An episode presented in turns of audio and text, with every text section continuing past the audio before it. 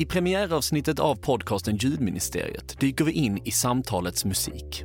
För det finns en typ av musik som vi både medvetet och omedvetet använder när vi samtalar med andra människor. Vi träffar samtalsforskare, stöter på akustiska illusioner, Aaron Sorkin, ryska kompositörer, virala trummisar, PC-spelet The Sims och den universella musiken som alla spädbarn oavsett språk och ursprung kan förstå. Ljudministeriet finns där du lyssnar på podcasts.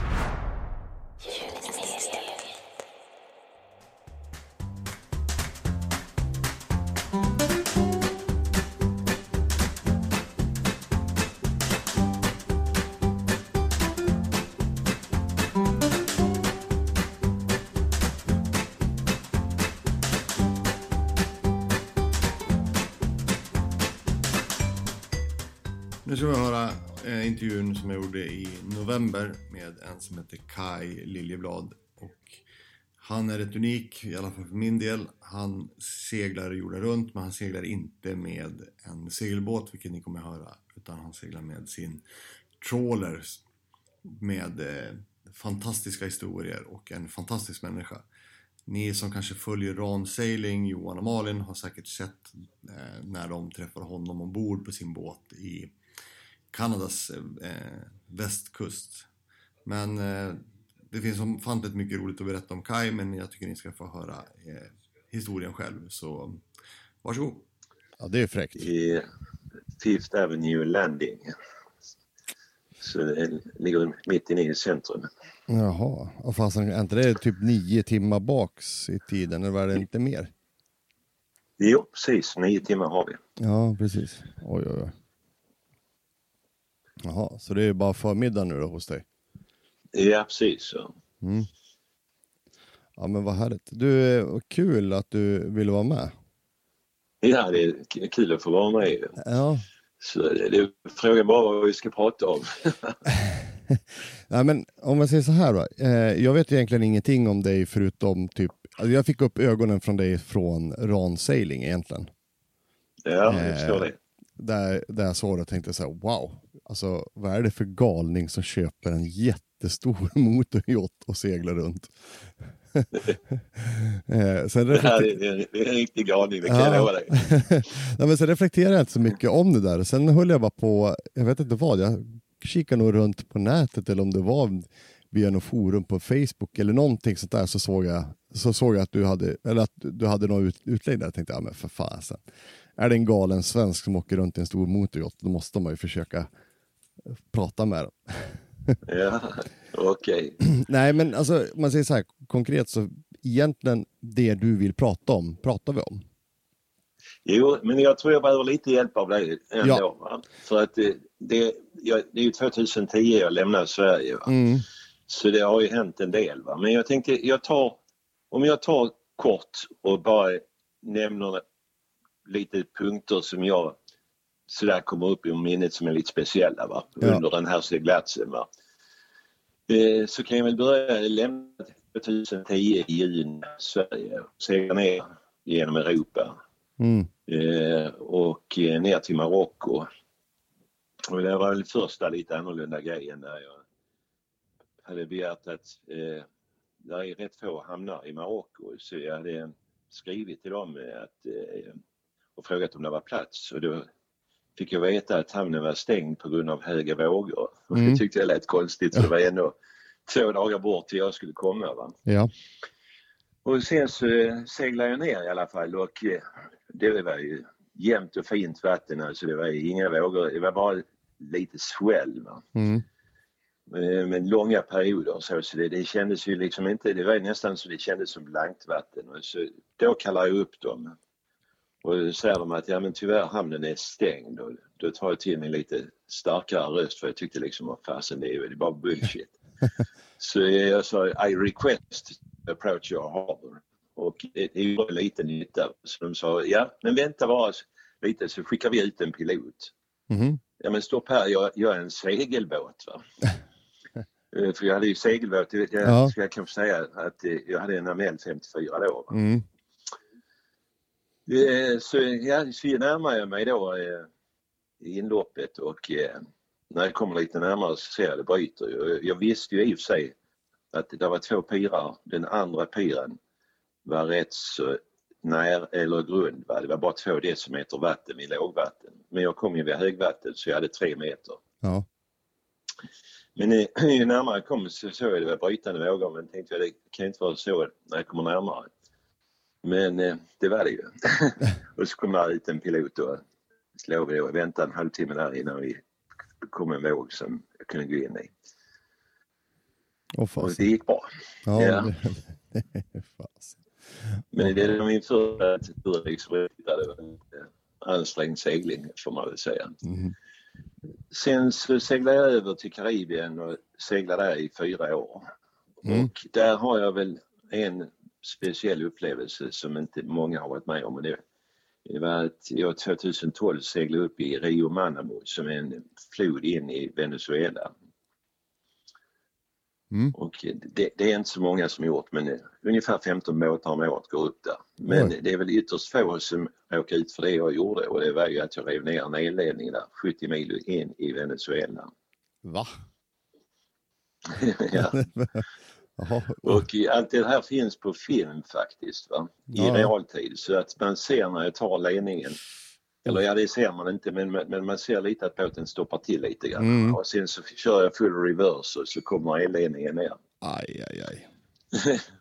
Och Hur- fyra, minuter, fyra minuter och 50 sekunder senare så var polisbåten, eller en polis Ja. ute där i en båt. Han hade säkert lämnat den här lilla byn innan jag rev ner elledningen för han såg ju vad som skulle Mm, hända. mm, mm. Så han tog ju pass och skeppspapper. Ja. Två dagar senare så kom det en kille ut, eller så hade det varit en kille och gjort en beräkning på det här. Va? Och Mm. under tiden hade, hade jag ringt Tom, eh, Tommy på Pantenius och frågat liksom honom vad kostar det att riva ner en elledning? Var är du sa han. Venezuela. Ja, sa han, jag vet inte vad det kostar men det, du är ute på den bästa platsen att förhandla.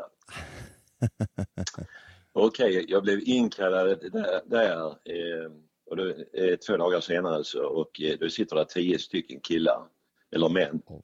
och eh, en indianska som översatte från Mm. deras spanska till engelska. Åh, Och eh, så småningom så kom det fram att hon började berätta liksom allt material som skulle till. Vad jag Mm, sa stopp, stopp. Jag, vill- bara veta två saker. Hur mycket kostar det och när kan de få tillbaka strömmen? Mm. Eh, och så efter ett tag får jag höra att det kostar 800, nej förlåt jag ska säga det i rätt ordning. Hon säger först att det kostar 6 miljoner bolivares.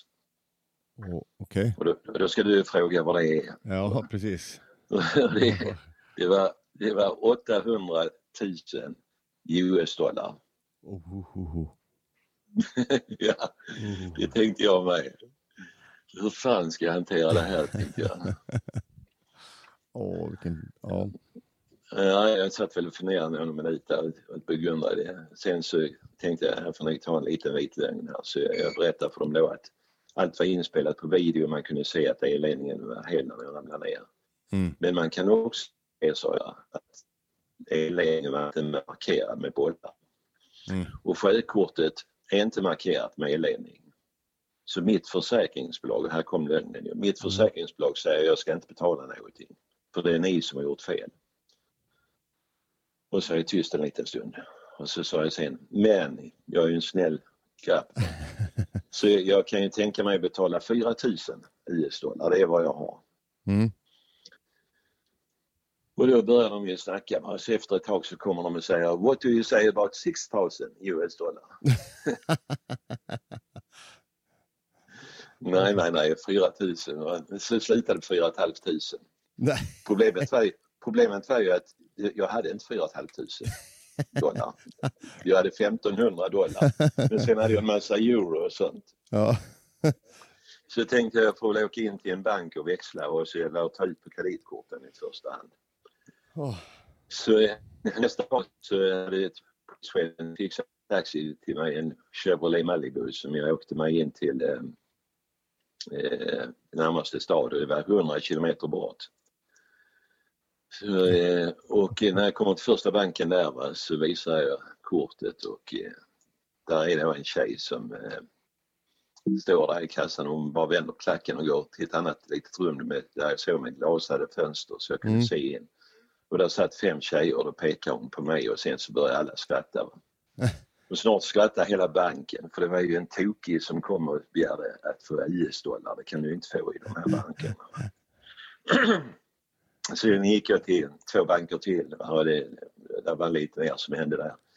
Sen till slutligen kom jag tillbaka och fick växlat efter mycket om och men via svartväxling. Ja, Det var en, de, hon i banken kände en väninna som kunde komma och växla. Och jag växlade svart på banken. Och sen åkte jag tillbaka. Va? Och sen hade jag då, när jag seglade upp i den här floden så hade jag två bröder som också seglade med sin båt. mm.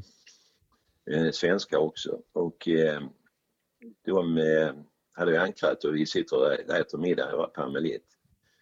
Och eh, med min segelbåt alltså. Ja. Och eh, när vi kommer upp så ser vi då att deras båt har blivit omgärdad av eh, eh, eh, en typ av växtlighet. Ja. Och den hade pressats upp för floden, för i floden var det tidvatten, det var så liksom lite så att det var, vi hade både tidvatten in, upp och ner i floden, Mm. även om vi var 70 mil upp. Och den hade pressat bå- båten ett 400 meter upp i floden. Fast. Den eftermiddagen skulle elledningen varit klar, som tur var var den inte det. Annars hade de rivit ner den igen. Åh herregud. Eh, Ja. Vilka jäkla äventyr de Ja. var på. Ja, sen så, ja, sen efter det så tyckte man att det måste hända lite mer så då, då seglade jag på, jag hade fått veta av en indian att det fanns en biflod till en annat flodsystem. Ja, Så det, då har jag en video där när man ser jag seglar på den här icke utmärkta, det var bara mark på sjökortet. Va? Och seglar liksom igenom indianbyar. Och då, då var floden bara 6-8 meter bred. Va? Så att, nej, inte 6-8, den var väl 15 meter bred. Men det var smalt. Va? Och på sina ställen fick jag använda bogpropellern för att komma emellan trädtopparna. åh fasen. Så det, det, det var 2012 där. Så långt har vi hunnit nu.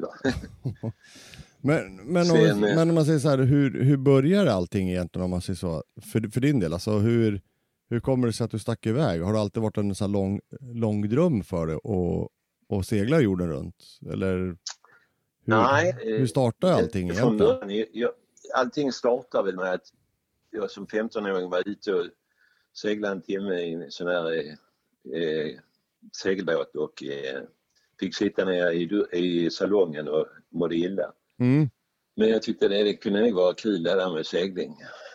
Och sen när jag blir 30 så får jag råd och köper en eh, Bison 31 i trekvartsfabrikat och bygger den under en sommar Mm, när, jag, papp, när jag har pappaledighet. Mm.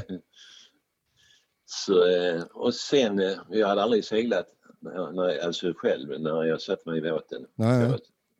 Och eh, ja, sen hade jag den i fem sex år seglat. Sen blev det uppehåll, familjen tyckte det inte var så roligt att sitta i täckjacka hela sommaren. så eh, det, det blev eh, försäljning där och sen så chartrade jag lite båtar lite.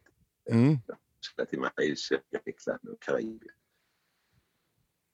Ja. Och eh, när jag var över i Karibien när jag var 50 så be- beslöt jag mig för att det här vill jag nog göra när jag blir pensionär. Mm, Och jag hade ju ett företag med min son, mm, jobbade i det också. Meningen var ju att, eller han har ju tagit över mm. Och då ville jag inte springa med fingrarna i syltburken där för det hade jag hade jag gjort om jag var där hemma. så eh, därför så bestämde jag mig för att segla jorden runt. Ja. För du hade ju din, som du sa, du hade ju din Amelit, va? Den här, det var väl en Amel 54 du, du hade? Ja, För den, för mig, jag läste någonstans, den, den beställde du från fabriken och seglade runt med. Ja, så den beställde jag t- 2007 och fick den 2009. Ja, Och så seglade jag med den eh, fyra år i Karibien och eh, två och ett halvt år, väl, eller två år i, i Stilla havet. Så seglade ner till Nya Zeeland och se- sen lämnade den till försäljning i Nya Kaledonien. åh fasen. Och, Och eh, då hade jag köpt den här Ammonite eh, som jag nu har. Köpt i West Palm Beach.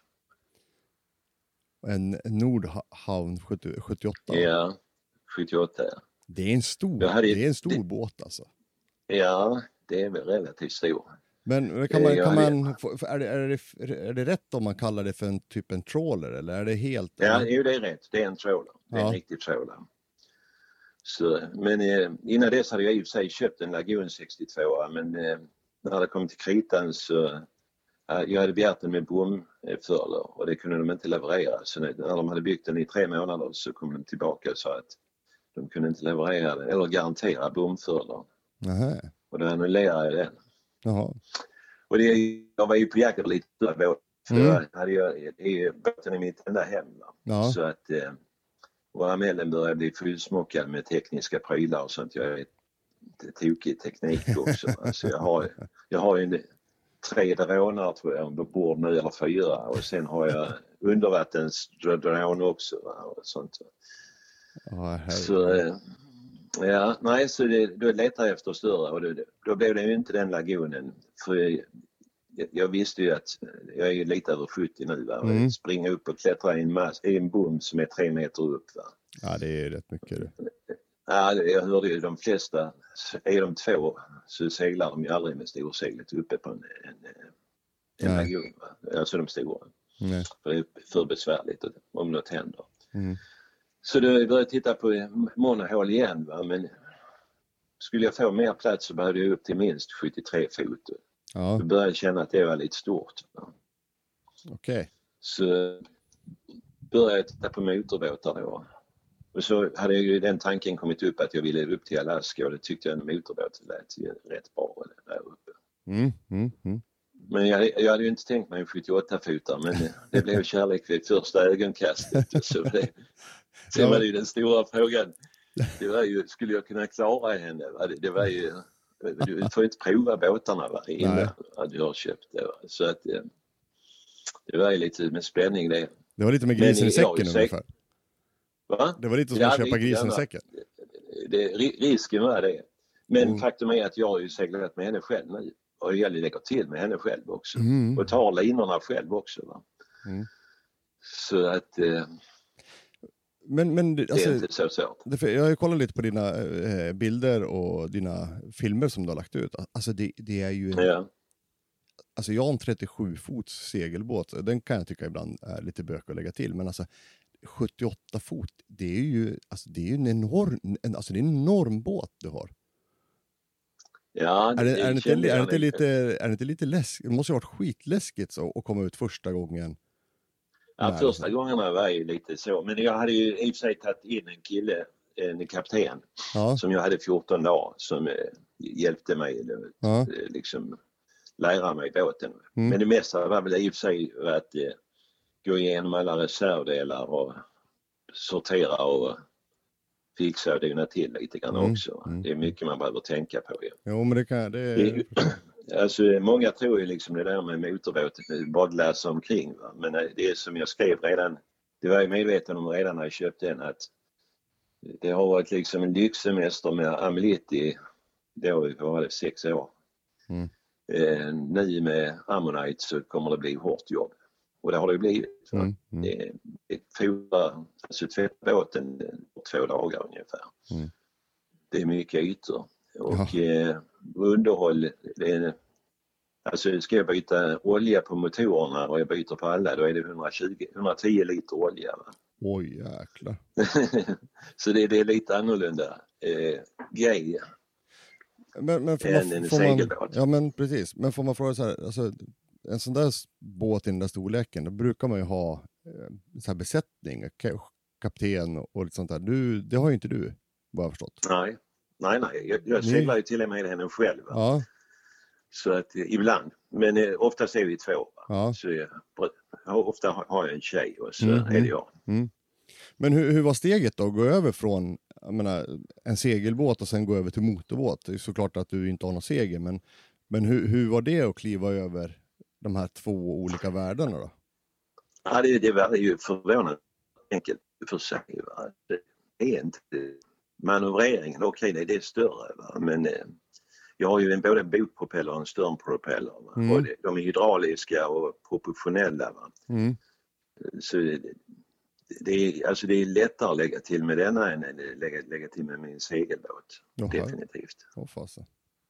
Och du vet, jag kan ju då liksom, denna här kan jag, jag har ju då eh, handtag som jag styr bo Ja. och, eh, och eh, akter på propellern. Mm. Och de kan jag då ställa liksom precis så att den liksom står och trycker mot bryggan så jag kan gå i land och ta linorna. Åh herregud. Så det, Mm. nej, det, det, det är bara, det enda det, det är att ta det lugnt. Va? Alltså det, det går inte att döna in liksom Nej. som en segelbåt lite snabbt. Va? Eh, det är 130 ton va? så att Oh. Stöter jag på bryggan så är det bryggan som flyttar sig. Fy fasen. Ja, det, det, wow. Men alltså det måste ju vara, ja. Ja. Men, men hur, hur känns det nu? Nu har du då som, du sa, du behövde större utrymme, nu har du en 78 fotare. Hur känner du då? Har du, har du nog med plats eller behöver du ha, börja utrymmena Nej. krympa?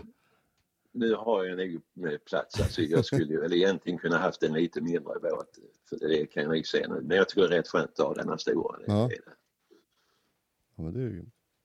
Men, men vad, är, vad är planen då nu då? Nu, eh, jag läste ju också någonstans på, på din sida att eventuellt gå hem till Sverige, eller det är som du skrev också, Ja. det är som att skriva i, i, i, på stranden ungefär.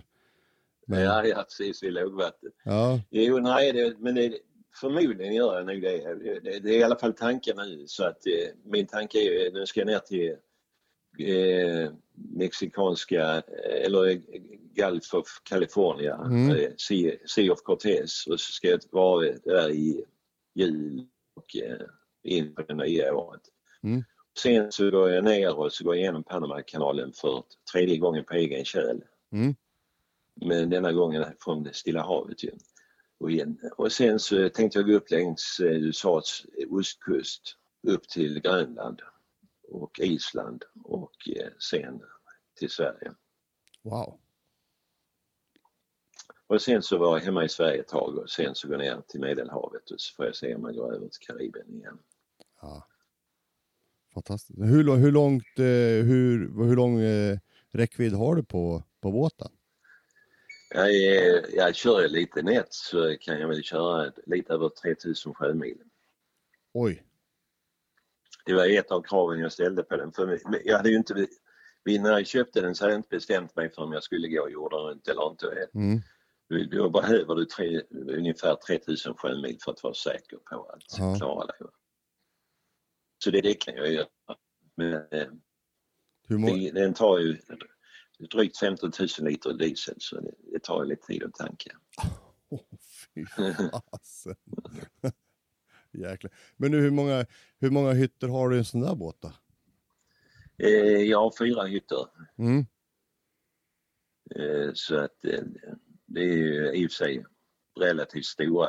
Alltså min master jag har är rätt stor Mm. och eh, eh, badrum med jacuzzi och lite sådant. Mm. Sen så är det då två hytter eh, nere som eh, har egna toaletter och badrum. Mm. Mm. Sen så har jag en kaptenshytt här uppe. Jag sitter just nu på, eh, i, på kommandobryggan. Mm. Och där bak är det en kaptenshytt. Så där är tanken egentligen att om man har en kapten att han bor där. Ja, okej. Men den använder jag ju när jag seglar längre pass eh, så Där uppe. Mm. När jag inte har vakten. Mm. Mm. Precis. Men eh, om man säger så, du har ju varit, du har ju varit på många platser med både din segelbåt då, eh, och nu med, med din, eh, din motorbåt här då. Men har du hittat någon sån här plats själv där du har känt som är hittills din favorit eller är det Karibien som är det bästa? Eller? Nej, Karibien. Alltså, min, I och för sig min favorit i Karibien är Bar- Barbuda men eh, den är nog tyvärr inte som Barbuda var när jag såg den idag. Ju. Nej. Det har ju varit orkaner där och härjat. va. Mm. Men eh, min favorit i Stilla havet är väl eh, utan tvekan Mapia. Mhm. En, en liten ö, en atoll. Och där bor fyra, fem familjer och om du går in och tittar på den filmen sen, faktiskt, det är det värt att titta på. Mopia heter den. Mhm. Mapia. Det ligger 125 sjömil väster om eh, Bora Bora. Där bor fem familjer ungefär. Och du vet, när du ser den filmen där, då blir du frälst. jag, var, jag låg där själv. Eller jag själv, jag, jag, hade, jag och min dåvarande tjej. Eh, vi, vi låg där liksom helt ensamma i den här fantastiska strand, strand, med en strand du vet på en mil eller så. Mm. Och bara palmer och så riktigt vit sand. Va? Alltså det, det, det finare finns inte i Stilla havet. Va? Här Man riktig... tror många gånger att eh, de här sö- Söderhavsöarna det är, det, det är palmer och vit strand men det är ju inte, det är ju inte så mycket så ändå. Nej. Men just här var det riktigt. Så det, se på den filmen du se. Ja, det ska vi definitivt kolla upp. ska jag göra. Så, men eh, nej, det, sen är det ju givetvis andra minnen liksom när man sitter liksom med en, eh, en hel by i eh, Fiji där Mm. hövdingens bror precis har dött så under tre dagar så firar vi eller celebrerar hans bortgång i en Oj. begra- begravningsceremoni och det var ju rätt häftigt ju, Ja, att sitta så och delta i det. ja, det Så att, eh, ja.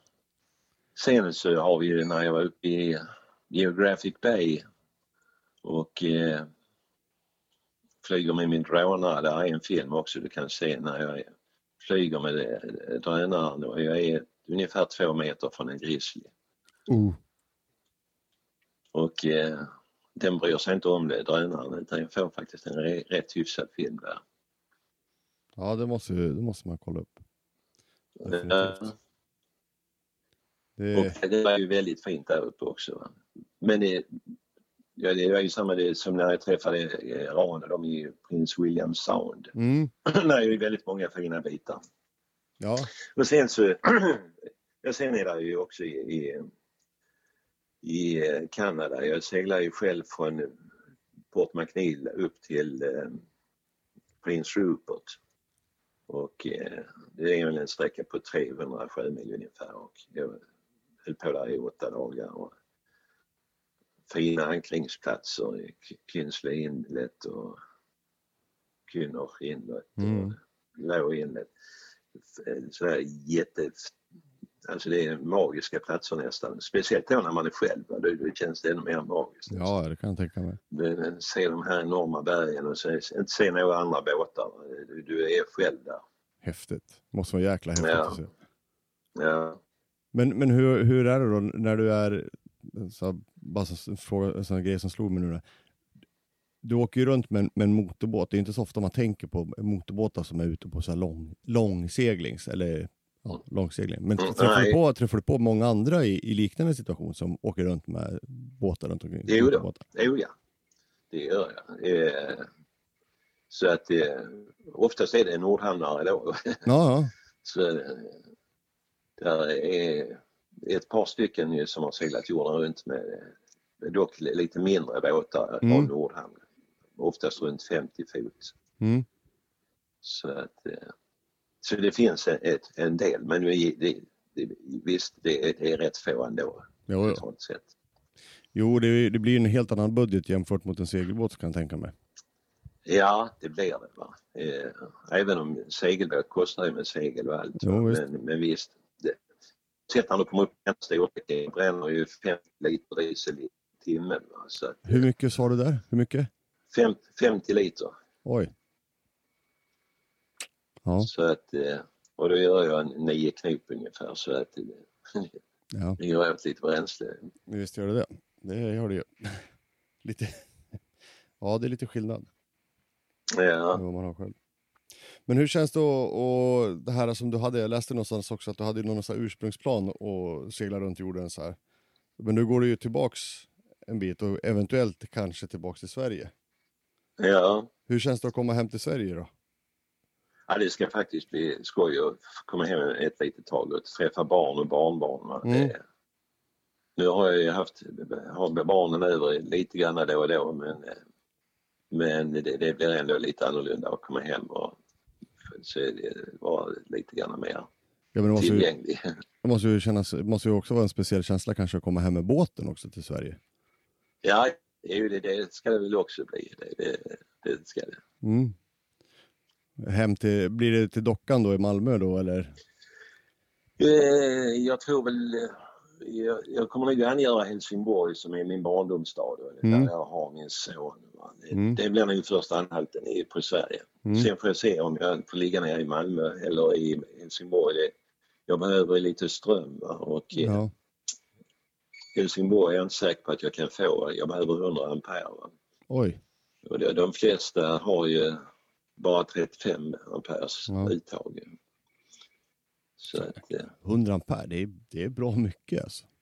ja, men det är liksom, ska du ha igång, ska jag använda eh, AC'n eller värmare så, så går det åt.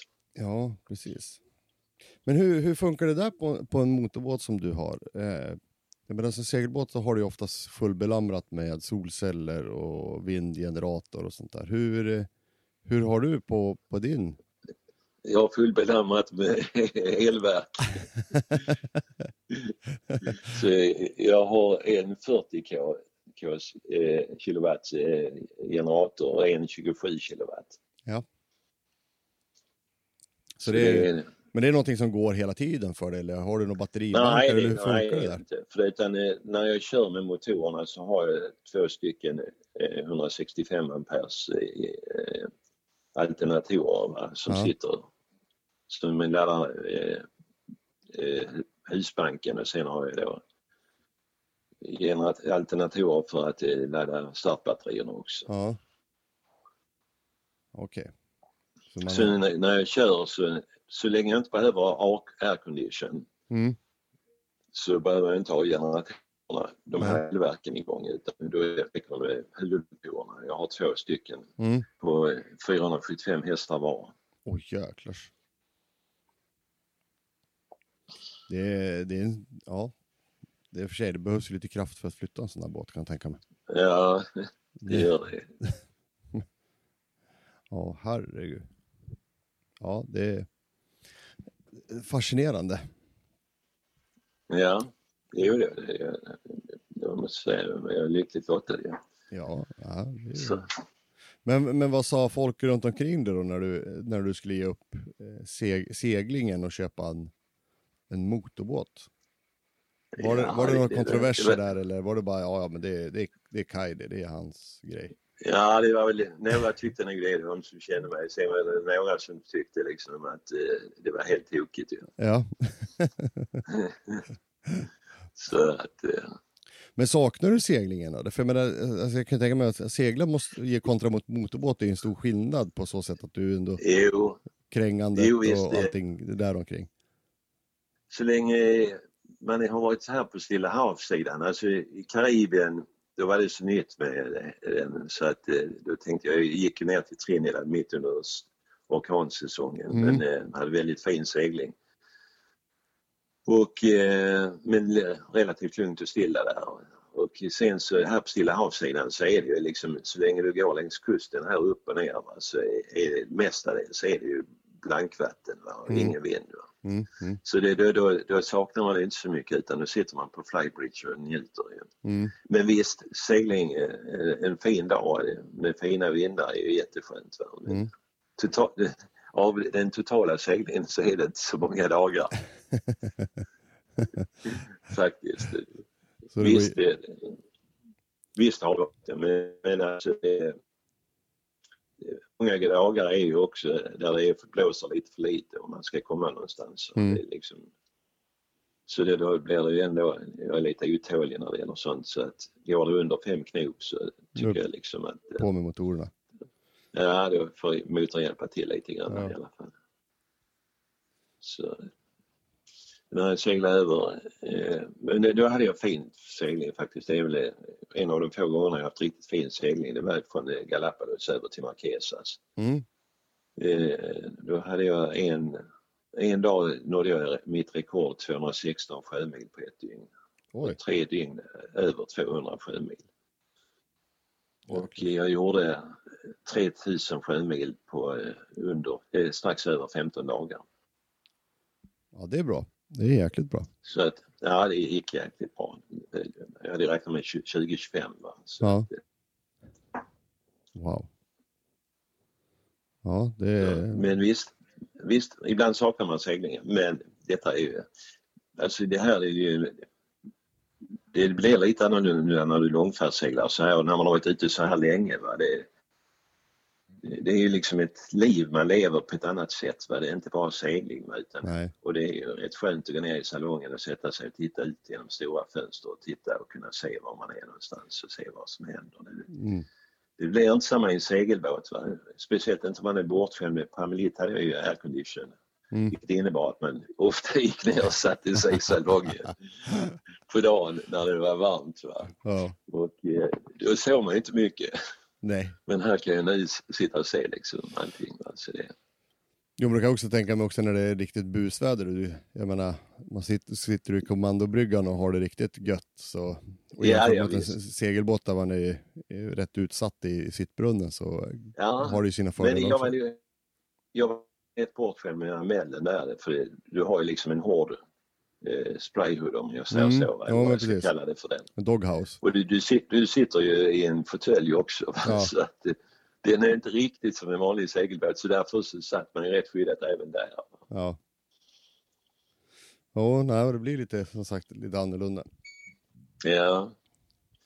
Ja, det Men frågan är hur vi ska göra. Nu tar ju all din tid för det här.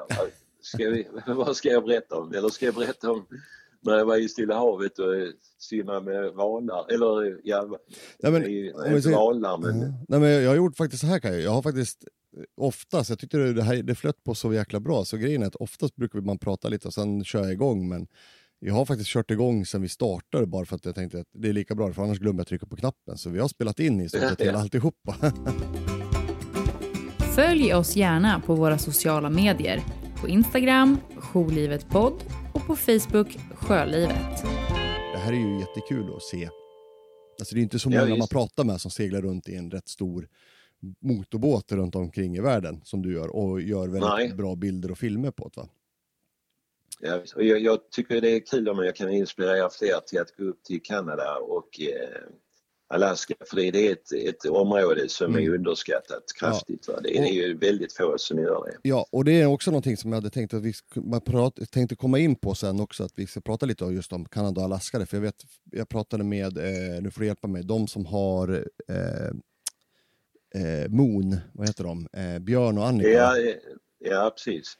Eh, de pratade om, om Kanadas kust och samma sak jag pratade med Ran Sailing då, när de var i Hawaii dock. Men då pratade de också om hur mycket de ville upp till Kanada, hur de såg fram emot vilken fantastisk grej det skulle nog vara. Va? Mm. Så, men jag tror vi gör så här, vi, vi fortsätter bara. Ja. Så det är bara att vi glider Vi in på, ja. eh, på det du har gjort och sen kan vi börja, sen kommer jag nog fråga dig lite om just Kanadas kust och vad du tyckte om det, så tar vi det därefter. Ja, det, ja. Eh, vi fortsätter, ja, jag fortsätter där eh, efter jag hade kommit över till eh, Karibien Mm. eh, så seglade jag upp till eh, Kuba. Jag, ska väl kanske säga också att jag har besökt idag har jag väl besökt i princip alla öar utom de allra minsta frånsett Saba och Jamaica. Jaha. Men Så- var, var du, la du till i Kuba också? Alltså? Ja, Mm. Och då när jag seglade upp där så hade jag eh, en eh, amerikansk tjej som crew. Mm. Och eh, när vi kom upp till Sankt Martins fick jag ytterligare en av hennes väninnor följde med för att de ville komma till Kuba. Och eh, eftersom amerikanskor kan normalt sett inte åka till Kuba, i alla fall speciellt inte då. Nej. För, även nu är det svårt. Va? Men som crew kan du liksom komma dit. Va? Ja, okej. Så jag hade två tjejer med mig. Upp Dominikanska republiken. Där har vi tittarna och ner för 12 vattenfall. Det finns också då på video. Mm. Som eh, var lite häftigt där. Men sen så hade jag då, om Kuba är där ju inte så, jag hade tänkt gå på norra sidan av Kuba. Och eh, där finns inte så många hamnar. Men jag hade sett på Youtube så hade jag sett en fantastisk animerad film om en jättefin hamn Mhm. som såg ut som det mest flådiga. Och detta skulle byggas uppe i Kuba. Och jag tyckte det lät väldigt fantastiskt. Jag letade överallt på internet. Och jag är rätt duktig på att leta på internet. Va? Men jag kunde inte hitta någonting mer om detta. Och eh, då när jag kommer upp till Kuba så min första fråga då när jag klarerat in och doktorn hade godkänt mig och eh, besiktigat mig och, och eh, så frågade de om vi, kunde få gå till Varadero och om vi får gå in där. Och eh, det fick jag OK på. För det, det är ju så i Kuba så speciellt norra sidan så får du bara gå till hamnar som de har godkänt. Jaha. Och eh, du måste klarera in på varje hamn också som du kommer till. Mm. Eh, men eh, under tre dagars segling så kommer jag då upp till Varadero och eh, anropar då den här marinan. Och eh, får ett svar att det var OK att komma in och så har jag då en se- insegling på ungefär en timme. När jag kommer in då så är det ju då en stor byggplats va? men där man ändå hade rätt mycket färdigt på marinan. Mm. Men det var ingen som var intresserad av att jag kom in där eller ville prata med mig. Va? Så småningom så gick jag bort och skulle lägga till på ett ställe där det såg ut liksom att finnas något. Där låg ju faktiskt en sex, sju båtar, sådana här större turistbåtar som Ja. eh, kubanerna. Och eh, runt om byggde de då stora hyresfastigheter och sådant så det såg riktigt flådigt ut faktiskt. Mm. Men i- de, kommer en kille och säger du får inte lägga till här. Ja men sa jag, jag pratade precis med er och fick OK. Va? Mm. Nej, sa han, det måste varit den gamla marinan du pratar med här i Varadero och den, den ligger ett par sjömil bort åt det hållet. Jaha. Ja men jag skulle ju velat ligga här, sa jag ju. Nej, det fick jag inte. Va? Så vände jag och började gå ut. Va? Så plötsligt kommer en kille körande ut i en båt efter mig och stoppar mig och säger jo men vi har ändrat oss, du får komma in. Nej. Så jag, jag tror faktiskt att jag var den första eh, utländska båt som la till i, Var- i Varadero i deras nya hamn. Jaha. Och eh, det är en hamn som liksom, jag vet inte hur den ser ut nu när den har blivit färdig men jag tror den är jättefin. Va? Eh, Det kan nog jämföras med dockan eller något sådant. Ja. Eh, Och det visade sig att det fanns en restaurang där hade serverat fantastisk mat. Va? Mm. Det enda som var lite udda var att det var bara jag och min flickvän som var där på denna restaurangen. Nej. Den kunde väl ta 150 pers. Va? Och det konstiga var att jag såg aldrig någon människa under de tre dagarna vi låg där. Eh, och till slut frågade jag dem liksom, hur kan ni hålla full matsedel när, när det är bara vi som är gäster här? ja, men precis. Eh, Och då hade jag också frågan liksom, vem är det som ligger bakom hela den här marinan? Är det någon arabisk prins eller något? Ja. Och då visade det sig att det var eh, Raul eh, Castro, brodern här, som var seglingsintresserad och hade satt igång det här projektet i, väst, i värsta eh, kapitalistiska anda måste jag säga. Ja. Så det är en, ja. Jag har ju ett minne därifrån också. Jag körde, jag hade med mig och vi kör och eh, hade varit inne i Havanna. Jag Mm. hade en hyrbil och, och jag kör fel tillbaka. Och hamnar hos en säkerhetsvakt. Och han står då på eh, den högra sidan av bilen och Amy sitter där. Och eh, han frågar liksom, böjer huvudet in och så säger han Are you French? Tycker jag han säger. Va? Ja. Och eh, Amelit hade fransk flagga va? Mm. så att det tänkte jag liksom, jag bryr mig inte om att förklara för honom att vi är Nej. svenskar utan jag bara säger ja. Va? Och då skiner han upp som solen va? och så säger han I have a package for you och så rusar han iväg. Och så ser jag hur han tar upp en jacka va? och så sticker han in handen i armen Ja. och så drar han upp två paket och kommer tillbaka till mig med de här paketen. En, och så säger han a present to you och så smilar han. You have a little tip for me. Eh, jag blir lite ställd där. Liksom. Jag har fått 50 cigarrer. Han vill ha ett litet tips. Så jag gav honom eh, fem kuck eh, som är motsvarande fem dollar. Och eh, han skiner som solen och är glad och tackar och eh, vinkar. Och så vänder vi och kör iväg och så tittar Amy på mig och säger Why did you say your name was Francesco? Jag vill inte träffa varken Francesco eller den vakten igen. Det är ju nämligen så att eh, de smugglar ju ut cigarrer Ja. ur fabrikerna och det hade väl den här den här vakten hade väl fått i uppgift att lämna de här cigarrerna till någon Francesco. Så kan det bli ibland. ja. Herregud. Ja, Men ja, men du som sagt, vi pratade ju innan. Du, du har ju varit uppe i, i, på, i Kanadas, efter Kanadas kust ju. ja, Hur är det? För jag, vet, jag har ju pratat med några stycken som har, nämnt eh, det som att de vill dit eller ser dit. Jag har också sett andra som har varit där och det verkar ju vara en fas- fascinerande ställe att åka till. Och som, som, Ja. som destination att se det, för det är ju ändå vad jag har förstått, vad jag tror det det är väl lite som så svensk skog men ännu mer påtaglig eh, skärgård eller vad man ska säga. Eller är jag på fel, är jag fel ute? nej, det är väl eh, bara lite underskattning.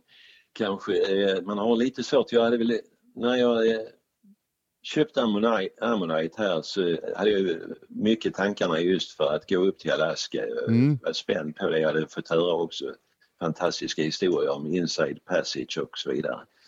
Och eh, Inside Passage hade jag väl en svag känsla av att det var det som man kunde segla inomskärs. Men Mm. det är en fantastisk sträcka där på, eh, jag tror den är 400 sjömil eller något sådant, det Mm. räcker nog inte. Som eh, man seglar då, där det finns oftast flera leder kan man säga som man kan segla innanför, det, där du seglar på helt skyddat vatten. Mm. Den, här fantastiska naturen med eh, helt granbeklädda eh, öar som är granar och tallar som går ända ner till vattnet. Vara häftigt. Och eh, sen, eh, det är ju storslaget, det är, det är ju väldigt stora höga tallar och granar och sen då djurlivet här där, där man liksom dagligdags i princip så kanske en, allt från 10 till 15, 20 örnar, havsörnar. Eh, ofta kom det eh, valar. Eh, på de, vissa delar där så kunde man se kanske en 5-10 valar på en, någon timme. Och eh, ibland killer whales.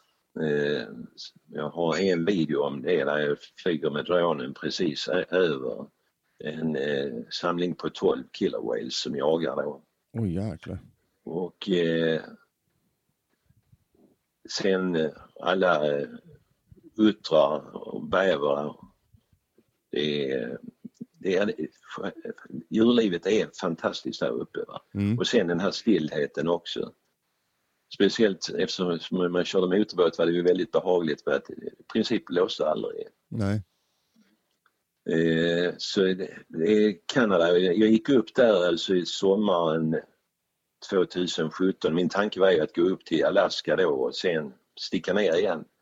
Men eh, jag insåg ju att här var så mycket så att jag gick bara upp i Kanada, upp till Prince norra delen av Kanada.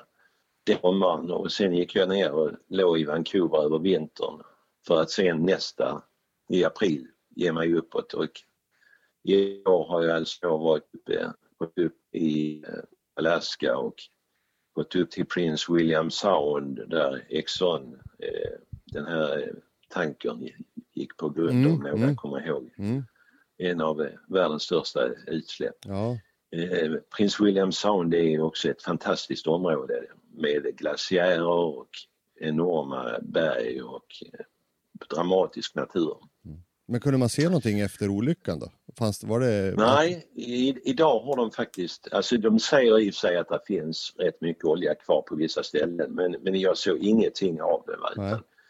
De, eh, men detta är ju 30 år efteråt så det är, Jo men... men jag, jag kan föreställa mig att det var fruktansvärt när det inträffade men nu var det tillbaka va, alltså eh, Ja, det var inga Bävrar och neddränkta... sådant fanns gott om och Ja. en del valar har jag sett där och så vidare. mm, Så att, eh, ser rätt bra ut. Och sen så gick jag vidare till Kodiak efter att ha hört Ran berätta om hur fint det var borta så Ja. var jag tvungen att gå dit också. Och eh, gick upp i Geographic Bay som var nog en riktig höjdpunkt när det gäller Alaska med fantastiskt fin natur, Mm. dramatiska klippor och sådant och sen en hel del grizzlybjörn. Häftigt. Alltså det, jag, jag kan bara föreställa mig, alltså, jag, jag har bara sett bilder och film från, från Alaska och kusten där. Det är ju, verkar vara så fruktansvärt häftig miljö. Alltså, alltså på något sätt rå, men ändå stillsam på något sätt.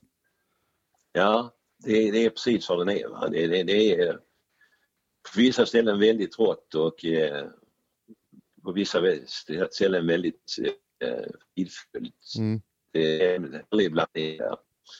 Eh, jag gick på vägen tillbaka från eh, Alaska längs, gick jag längs kusten och då gick jag in i ett ställe och jag har glömt precis namnet på det.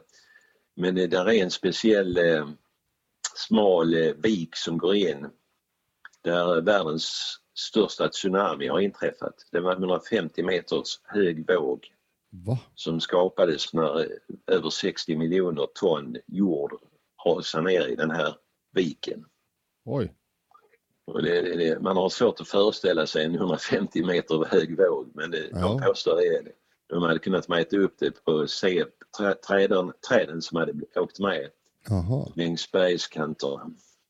Ja. Men när, när, var, Och, när eh, hade det skett? Då, då, kändes det lite, då kändes det lite speciellt när jag smet in där. För det, det är rätt ofta man inte kommer in där. Jag träffade en kille där uppe, han hade försökt fem gånger. Men alltid gått för vågor precis i inloppet för det är ett smalt inlopp. Men jag hade turen att komma precis i rätt ögonblick så vi kom in där. Herregud. Och sen var det ju bara att be en stilla bön att det inte skulle ske någon större jordbävning med ett stort eh, jordskred ner i vattnet. Ja. Men när, när hade det där eh, tsunamin skett då? Var det, var det Eh, jag tror det var 1950 omkring där. Jaha. Ja, det, det har skett i alla fall tre stora eh, tsunami i det sista, i det, detta århundrade, eller de sista hundra åren. Och eh, som har skapat vågor på över 20-30 meter. Ja, Så det är eh, lite speciell jäklar. eh, vik. Mm. Eh, nu är det ju det att det, hela det området är rätt så, eh, inte orkan men eh, eh, jordbävningshotat. Mm. Så att det sker ofta jordbävningar där uppe omkring. Jaha. Ja, det var som fan. Ja. Ja. Så nej men det, hela Kanada och Alaska helt underbart. Ja, Fantastisk, fantastisk natur, fantastiska människor och eh, ett djurliv som eh, är dramatiskt. Det liksom, så det, Att vara ett par meter, tio meter ifrån en val och känna dess dåliga andedräkt. Det är kanske inte så många som har upptäckt, men, upplevt men det, det har jag varit med om där uppe flera gånger. men det är definitivt ett värt ett försök när man går ut genom Panamakanalen och sen bara går norrut. Ja visst, det är, och dessutom nu ska jag ner till den mexikanska eh, delen och eh, Sea of Cortez och så vidare vilket jag också har hört väldigt mycket om. Sist gick jag bara förbi det rakt upp men Ja, här är liksom fantastiska seglingsområden som inte vi europeer känner till så mycket av. Men eh, jag rekommenderar varmt att gå upp till det och se det här. Ni kommer inte att ångra er, ni som gör det. ja, det är häftigt. Men du ska, jag ska säga så här, alltså, vi ska ta och runda av det för vi har spelat in i en timme nu ungefär. Har vi gjort. Ja. Men här, innan vi avslutar eh, så, så vill jag bara säga, vad, vad har du för på agendan idag då? Vad, vad händer idag? Idag är faktiskt en rätt lugn dag. Jag har tvättat båten nu i två dagar så det är färdigt. Så jag ska nog ge mig ut på en, eh, en 15 kilometer vandring och springa upp för jag har ett par trappor här på ungefär en 40 meter upp Åh. som jag ska ta ett par gånger för att förbättra min kondis. för den, den, den blir lidande när man är ute på sådana här långa Ja. Eh, Försöker bygga upp den lite grann. Men, men sen då, sen eh, den här veckan, vad, vad händer? Ska du ligga kvar här nu ett tag till i San Francisco eller vad, vad, vad blir, vad är Eh, tanken? Eh, Jag ligger i San Diego. Eller förlåt, San Diego, eh, förlåt. San Diego. Ja då. Eh, Jag var uppe i San, eller seglade förbi San Francisco där jag seglade ner denna gången. Jag var inne om San Francisco förra gången men Mm. hoppade det denna gången. Mm. Jag kommer ligga i San Diego i en vecka till ungefär och sen kommer jag att ge mig ner till Ensenada och klarera in i Mexiko och sedan har jag en fyra dagars, fyra dygns segling till Los Cabos. Mm. Det är inte så många hamnar på den sträckan utan det, det, jag räknar med att gå i ett streck ner där. Ja. Sen så kommer jag gå in i Sea of Cortez och Mm. eh, spendera ett par månader där. Härligt. Njuta närma- av värme lite grann nu det, efter att ha varit en och en halv, ett, ett och ett halvt år borta.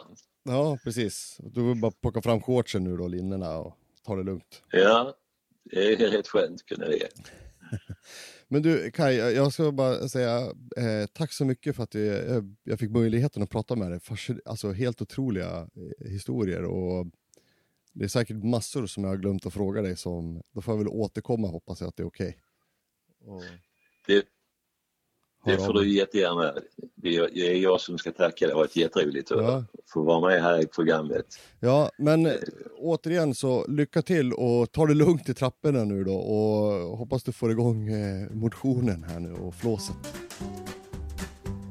Det ska vi försöka. Och tack ska ni ha. Tack, Hej då. hej!